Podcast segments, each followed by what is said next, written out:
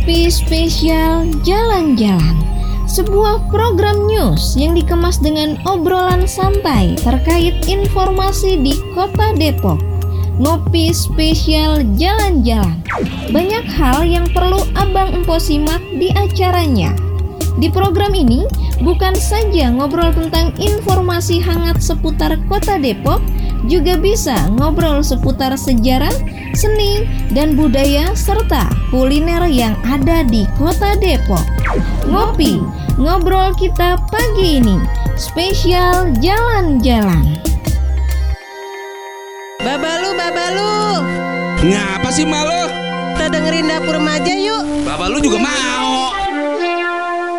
Assalamualaikum warahmatullahi wabarakatuh. 107,8 FM Dapur Remaja Radio. Selamat pagi Abang dan Po Senang rasanya kembali menyapa Abang dan Po Di acara ngopi spesial jalan-jalan. Bersama saya Adi Mahmudi untuk melaporkan sekaligus bincang-bincang Dengan Kepala Bidang Lalu Lintas pada Dinas Perhubungan Kota Depok Yaitu Abang Anton Tovani Muharam Hari ini saya sudah bersama Bang Anton yang juga didampingi oleh Kasih Manajemen Rekayasa Lalu Lintas pada Dinas Perhubungan Kota Depok, Bapak Ari Manggala. Untuk itu Abang dan Pok jangan ke mana-mana, simak terus informasi yang akan saya sampaikan di acara spesial Ngopi Jalan-Jalan. Baik, Bang Anton, langsung saja perkenalkan kepada Abang dan Empok di acara ngopi jalan-jalan.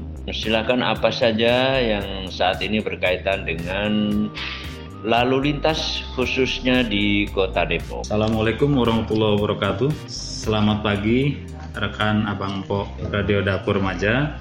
Perkenalkan eh, saya Anton Tovani Muharam. Kebetulan saat ini saya eh, diberikan amanah, diberikan kepercayaan oleh Bapak Wali Kota menjabat sebagai Kepala Bidang Lalu Lintas di Dinas Perhubungan Kota Depok. Terkait dengan banyaknya keluhan mengenai kemacetan di Kota Depok, mungkin sedikit saya bercerita tentang eh, berdirinya Kota Depok. Ini mungkin akan membawa pemahaman kita bersama terkait dengan kenapa sih di Depok macetnya luar biasa seperti sekarang. Seperti sekarang. Seperti apa itu Pak Anton kalau boleh tahu? Ya, jadi eh, mungkin bagi abang empok milenial mungkin belum begitu tahu ya eh, sejarah perkembangan kota Depok. Tapi bagi orang tua dari abang empok mungkin eh, sedikit banyak tahu Ya. eh, tentang perkem- eh, awal mula berdirinya Depok. Jadi mungkin saya sedikit cerita. Depok ini dulunya memang eh, disiapkan untuk menjadi kawasan permukiman Ya, betul. penyangga ibu kota DKI dan merupakan bagian dari wilayah Kabupaten Bogor. Sebagai satu kawasan yang tidak disiapkan menjadi satu kota, memang eh, menjadi satu keniscayaan bahwa eh, di kota Depok ini mungkin Abang Po bisa lihat jalan-jalannya kecil-kecil Ya, betul. karena memang dari awal eh, kota kita ini tidak disiapkan untuk menjadi satu kota. Beda dengan misalkan eh, kota Bogor yang usianya sudah hampir 300 tahun lebih ya atau Kabupaten Bogor atau kota-kota lain yang sudah lebih dulu eh, lahir. Kalau kita lihat kota-kota tersebut mungkin Abang Po bisa lihat jaringan jalannya luar biasa banyak. Kemudian lebar jalannya mungkin bisa dibandingkan kota Bogor misalkan itu jalannya rata-rata eh, lebarnya lebih dari 20 meter bahkan ada yang 30 sementara Depok karena awalnya tidak disiapkan sebagai satu kota Depok tumbuh berkembang eh, dengan kondisi jalan eh, sebetulnya hanya untuk pendukung pergerakan masyarakat di kawasan permukiman Seperti itu itu aja ya jalannya ya. Ya. Oke, untuk mensikapi eh, hal itu bagaimana merekayasa dari bidang lalu lintas ya, sendiri? ya. Jadi mungkin saya nak sebelum menjawab pertanyaan Ya. Pak Bang Adi tadi, Mhm. Mungkin Abang Po bisa lihat bahwa saat ini sebetulnya kalau disebut tidak ada perkembangan ada. Jadi Abang Po bisa lihat Jalan Margonda. Jalan Margonda dulunya adalah hanya jalan eh, kecil lah pada dalam sejarahnya. Namun mungkin Abang Po bisa lihat Jalan Margonda sekarang sudah lebih dari 30 meter. Ya. Kemudian alhamdulillah kita juga sudah membangun bersama-sama dengan pemerintah pusat Jalan Insinyur Haji Juanda. Ya, betul. Itu lebarnya mungkin solusinya ya, ya. besar juga. Di samping mungkin jalan-jalan lama seperti Jalan Raya Bogor yang memang sudah dari sudah sejak lama terbangun. Itu jalan-jalan yang kita miliki. Nah, kenapa kita macet? Tadi yang saya sampaikan karena pertama memang eh, jalan kita didesain awalnya tidak men- untuk mendukung satu perkotaan, tapi lebih pada untuk mendukung kawasan permukiman. Yang kedua, kalau kalau Abang Po bisa lihat eh, pergerakan masyarakat Kota Depok itu kan ke arah Jakarta. Semakin berkembang. Ya, Kota Depok. jadi dari arah eh, selatan ke utara dari Depok ke Jakarta itu pada hari kerja.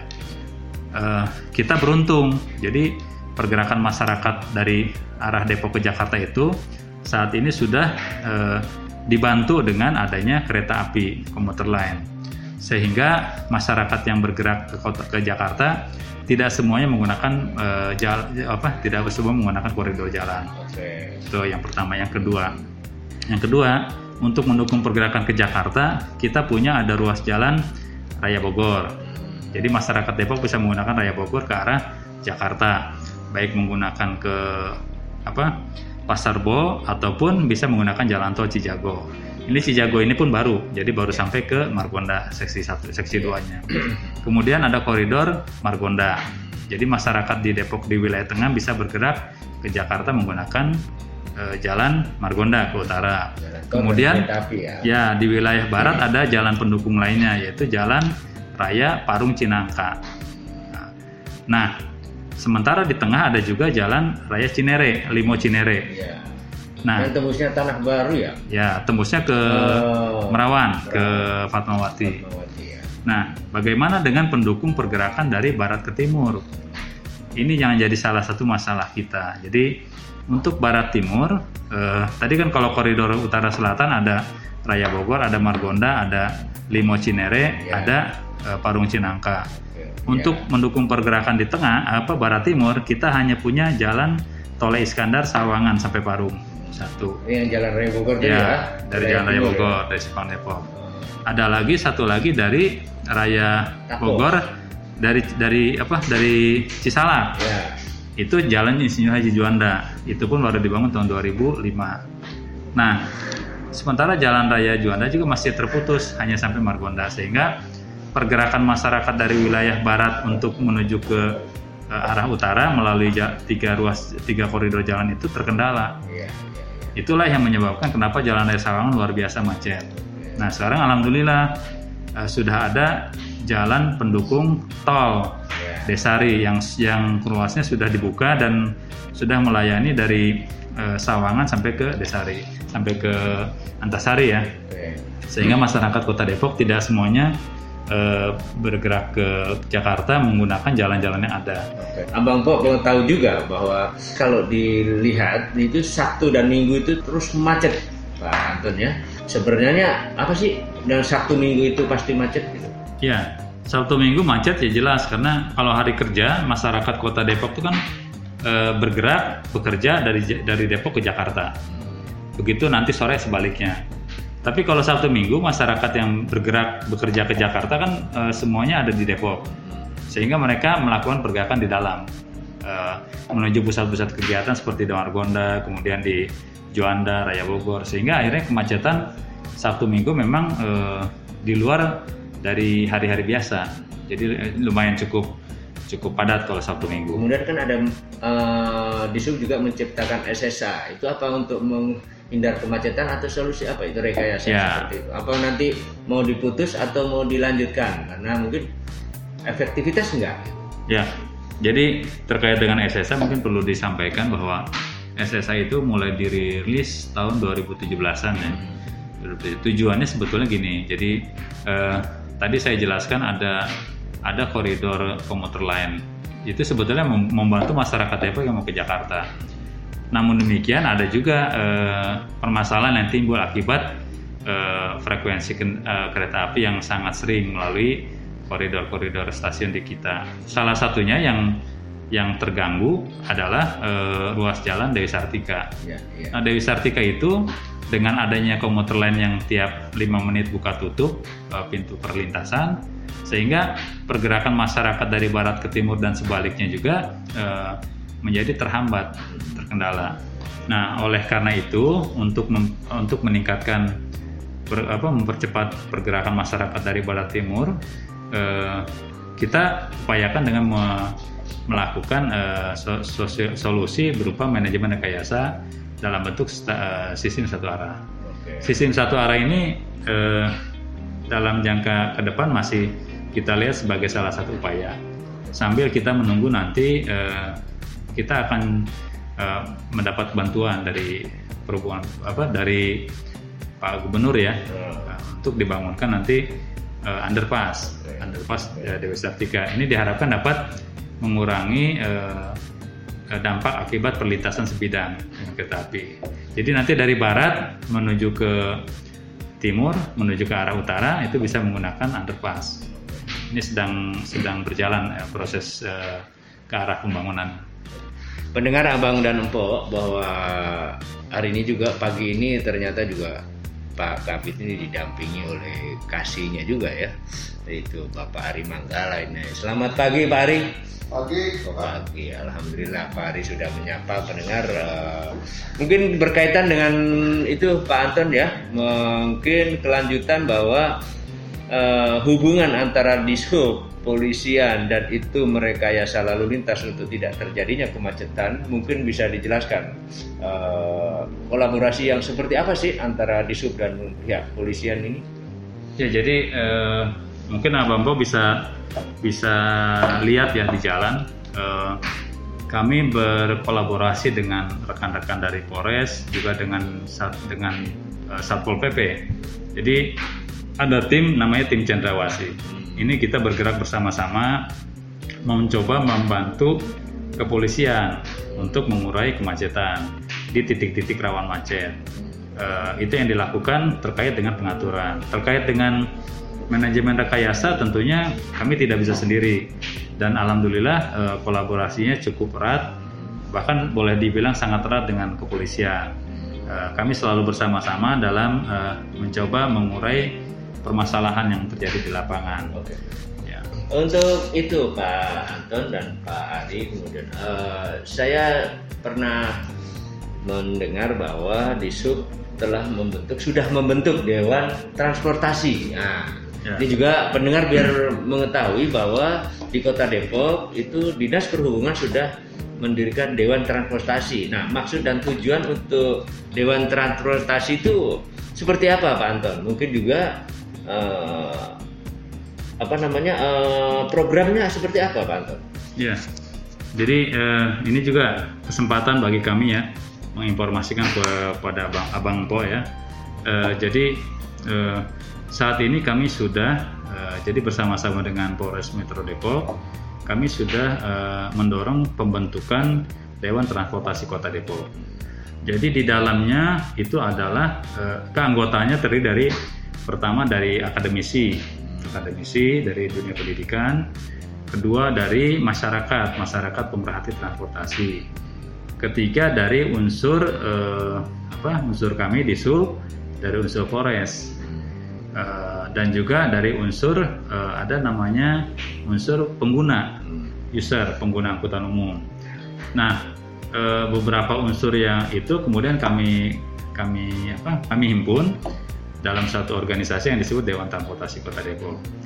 Nah dasar dari atau tujuan daripada didirikannya Dewan Transportasi sebetulnya eh, Dewan Transportasi ini kita harapkan menjadi jembatan atau penyam, penyambung lidah lah gitu ya kalau abang biasa dengar itu. Jadi selama ini kan masyarakat eh, mempunyai eh, keluhan, mempunyai permasalahan terkait dengan transportasi yang sehari-hari dihadapinya. Tapi masyarakat kan tidak tahu harus menyampaikan ke mana. Kemudian, seperti itu, ya, kemudian masyarakat juga tentunya pada saat menyampaikan mungkin eh, perlu dibantu oleh satu dewan yang bisa merumuskan. Jadi kalau masalahnya macet karena ABCD, mungkin masyarakat menyampaikannya kan eh, perlu ada satu apa satu wadah yang bisa meng- mengkaji, merumuskan untuk kemudian disampaikan ke pemerintah. Jadi Itu kira-kira apa itu aja keluhan dari masyarakat misal dari yang ditampung bisa ditampung oleh Dewan Transportasi Kota itu? Apa Ya, itu kira-kira? jadi- mungkin jalannya kah, lalu lintasnya kah, atau sarana prasarananya kah? Jadi memang Dewan Transportasi ini eh, kita bentuk eh, khusus khusus untuk menangkap aspirasi masyarakat terkait dengan permasalahan lalu lintas. Jadi kalau Pak Abang Po punya masalah sampah, bukan bukan mungkin Dewan tidak akan menerima permasalahan, cuman Oh. mungkin kurang tepat. Jadi mungkin ada ada lagi eh, ada lagi semacam apa wadah lain. Tapi kalau untuk transportasi, baik masalah angkutan umum, masalah kondisi jalan, masalah apa eh, keselamatan itu bisa disampaikan eh, secara berjenjang melalui Dewan Dewan Transportasi. Ini memang baru berdiri di akhir 2020 kemarin. 2020 Nah ya. ini Dewan sendiri sekarang sedang menyerap aspirasi masyarakat. Kalau Abang Po mungkin eh, pernah nonton atau pernah lihat, kita kan ada Depok 24 jam. Kemudian ada saluran-saluran lain yang bisa disampaikan eh, digunakan masyarakat. Nah itu Dewan sekarang sedang me- apa, menyerap informasi-informasi itu. Kemudian eh, mereka akan membuat semacam program kerja. Sampai saat ini memang sedang sedang disusun program kerjanya. Tapi insya Allah program kerja ini nanti akan eh, menyerap, menyerap, merumuskan untuk eh, menyampaikan ke kita kira-kira pemerintah ini baiknya melakukan apa sih gitu. Nah hasil dari itu rumusan itu nanti dibahas oleh kami bersama dalam Itu satu mungkin ada pertemuan ya. ada Dewan pertemuan apa aja tuh? Misalnya dengan Disub, dengan polisian, dengan uh, TNI Polri atau mungkin dengan siapa yang terkait untuk di Dewan Transportasi? Ya, kalau Dewan Transportasi memang ini karena kondisi lagi pandemi ya, sedang pandemi, jadi eh, pertemuan rutin dilaksanakan oleh mereka, tapi karena kondisi sedang ini jadi dilaksanakan secara online, tidak Zoom, offline, ya. secara Zoom. Itu berapa minggu sekali, Pak Anton? Mereka hampir tiap minggu melaksanakan Hampir pertemuan minggu, ya. dalam rangka merumuskan program kerja. Nanti program kerja ini yang akan dibawa ke tingkat kota sebagai masukan bagi masyarakat. Nah ini Dewan juga nanti sebetulnya punya apa ya, punya kewenangan juga untuk nanti bisa eh, mengunjungi ke lapangan. Tapi tentunya kalau kondisi sudah normal ya, ini Ya. kondisi sedang pandemi, jadi eh, serapan informasi eh, saat ini hanya mungkin sementara melalui informasi-informasi di media sosial Oke. yang diserap Baik, mendengar eh, untuk Abang Depok mungkin pengen tahu nih kejelasannya nih setelah ada Dewan Transportasi, apakah mungkin kejad apa kemacetan itu akan terurai? Kemacetan itu akan bisa hilang? Nah, sedikit biar dijelaskan hasilnya apa sih pertemuan ini yang sudah dilakukan oleh Dewan Transportasi itu, Pak Anton? Jadi eh, sedikit bocoran ya. Eh, jadi bahwa dewan itu eh, ada beberapa hal yang saat ini di apa ya disoroti lah, disoroti oleh dewan. Pertama terkait dengan pelayanan angkutan umum. Itu eh, baik angkutan umum dalam kota maupun kereta api. Jadi jalan-jalan akses ke stasiun seperti apa, angkutan umum yang melayani orang untuk menuju ke stasiun kereta api seperti apa atau terminal dan lain-lain. Kemudian Dewan juga eh, mencoba membantu kita melihat sebetulnya permasalahan eh, seperti tata ruang Kota Depok seperti apa sih, Eh, perlu ada pembenahan seperti apa sih dan lain-lain. Kemudian yang tak kalah pentingnya yang mungkin kita kurang sadari masalah keselamatan. Jadi keselamatan ini eh, saat ini kelihatan memang kita masyarakat agak kurang agak kurang perhatikan. Jadi bahwa keselamatan ini menjadi penting karena angka fatalitas kecelakaan di di Indonesia ini lumayan cukup tinggi. Kalau tidak salah eh, di antara urutan kedua dan ketiga setelah penyakit yang lain. Jadi tapi kita sering abai terhadap itu. Nah ini ini salah satu yang juga menjadi perhatian Dewan Transportasi bagaimana meningkatkan keselamatan. Oke.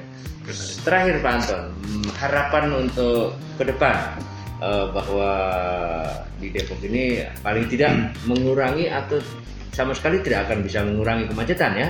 Paling tidak harapan ke depan ini untuk transportasi di Kota Depok ini seperti apa? Jadi eh, ini Abang Po, eh, kami mungkin dari pemerintah eh, sebetulnya eh, berharap bahwa masalah transportasi ini kita lihat sebagai masalah bersama. Kami dari pemerintah, dari kepolisian mungkin bisa membuat program, kami bisa membuat penanganan-penanganan. Namun demikian kalau tidak didukung oleh partisipasi dari eh, masyarakat semua dalam hal ini untuk bersama mentaati eh, rambu lalu lintas dan lain-lain, mungkin eh, nanti hasilnya kurang optimal. Kemudian eh, selanjutnya mungkin informasi juga nih kelihatannya memang kita harus membuat satu program-program yang eh, lebih lebih lebih monumental lagi lah. Hmm, hmm. Karena kondisi ruas jaringan jalan kita kan sempit. Untuk pelebaran susah. Ya. Jadi kita harus membuat bagaimana ke depannya membuat satu program yang eh, sekiranya pergerakan masyarakat tidak harus menggunakan mobil pribadi atau kendaraan pribadi, tapi bagaimana kita menciptakan angkutan umum yang lebih eh, nyaman, lebih ya. efisien, murah dan menjangkau eh, wilayah-wilayah eh, di Kota Depok. Tuh, jadi kalau orang bergerak menggunakan angkutan umum, insya Allah mungkin jumlah kendaraan pribadi di jalan berkurang. Nah, ini diharapkan dapat ya mengurangi eh, kemacetan yang seperti yang mungkin sehari-hari ini sekarang dirasakan oleh masyarakat. Harapan kita mungkin. Demikian Abang dan Empok, itu tadi bincang-bincang saya kepada Bang Anton yang juga Bang Ari Manggala. Semoga informasi ini menjadi ilmu dan pengetahuan Abang dan Empok. Semoga ke depannya kota Depok yang kita cintai akan semakin baik dan berkembang. Saya Adi Mahmudi yang bertugas pamit mundur. Terima kasih, sampai jumpa di acara ngopi jalan-jalan spesial berikutnya. Hai, saya Arman Maulana. Pantengin terus Pur Remaja Radio. Aulanya anak muda dewasa berhati remaja. 11 Januari bertemu menjalani kisah Telusur Wilayah bersama program ngopi jalan-jalan. Banyak hal yang perlu Abang Po simak di acara Ngopi Jalan-Jalan. mengungkap fakta dan fenomena